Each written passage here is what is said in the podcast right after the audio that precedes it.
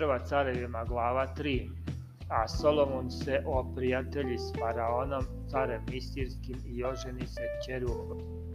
Faraonovom i dovede je u grad Davidov dokle ne dovrši svoj dom i dom gospodnji i zid oko Jerusalima. Ali narod prinošaše žrtve na visinama jer još ne beše sazidan dom imenu gospodnje do tada. A Solomon ljubljaše gospoda hodeći po uredbama oca svog Davida, samo što na visinama prinošaše žrtve i kađaše. Zato otide car u Gavaon e, da onde prinese žrtvu, jer to beše velika visina, i Solomon prinese hiljadu žrtava paljenica na onom oltaru. I javi se gospod Solomonu u Gavaonu noću u snu i reče Bog, išti šta hoćeš da ti dam, A Solomon reče, ti si učinio veliku milost sluzi svom Davidu, ocu mom, kao što je hodio pred tobom verno i pravedna i s pravim srcem prema tebi i sačuvao si mu ovu veliku milost, te mu dao sina da sedi na prestolu njegovom kao što se vidi danas. I tako, gospode Bože moj, ti si postavio slugu svog carem na mesto Davida, oca mog, a ja sam mlad, niti znam polaziti ni dolaziti. I tvoj je sluga među narodom tvojim, koji si izabrao narodom velikim koji se ne može izbrojati ni proračunati od množine. Daj dakle sluzi svom srce razumno da može suditi narodu tvom i raspoznavati dobro i zlo, jer ko može suditi narodu tvom tako velikom. I bi milo gospodu što Solomon to zaiska i reče Bog, kad to išteš, a ne išteš dug života, niti išteš blago, niti išteš duše neprijatelja svojih, nego išteš razum da umeš suditi. Evo, učinih po tvojim rečima, evo, ti dajem srce mudro i razumno da takvo kakav si ti ni pre tebe nije bilo, niti će posle tebe nastati takav kakav si ti a svrh toga dajem ti i šta nisi iskao i blago i slavu da tako kakav ćeš ti biti neće biti među carevima svega veka tvog.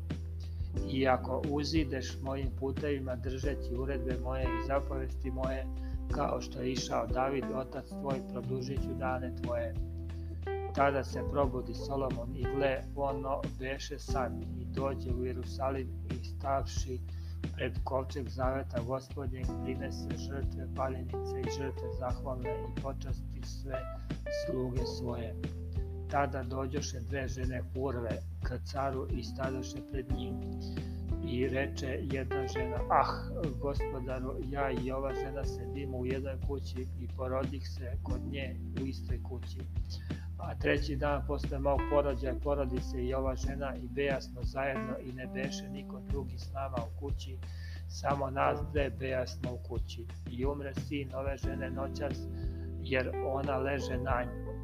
Pa ustavši u ponoći uze sina mog iskraj mene, kad sluškinja tvoja spavaše i stavi ga sebi u naručje, a sina svog mrtvog stavi meni u naručje a kad ustah ujutru da podojem sina svog, a to mrtav, ali kad razgledah ujutru, a to ne beše moj sin kog ja rodih. Tada reče druga žena, nije tako, nego je moj sin ovaj živi, a tvoj je sin onaj mrtvi. Ali ona reče, nije tako, nego je tvoj sin onaj mrtvi, a moj je sin onaj živi.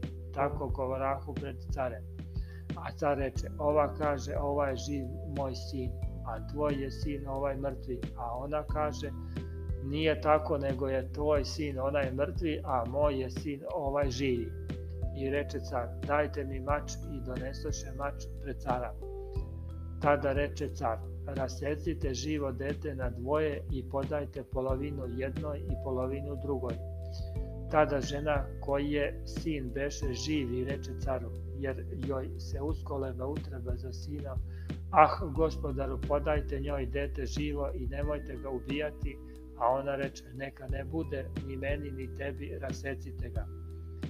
Tada odgovori car i reče, podajte onoj živo dete, nemojte ga ubiti, ona mu je mati.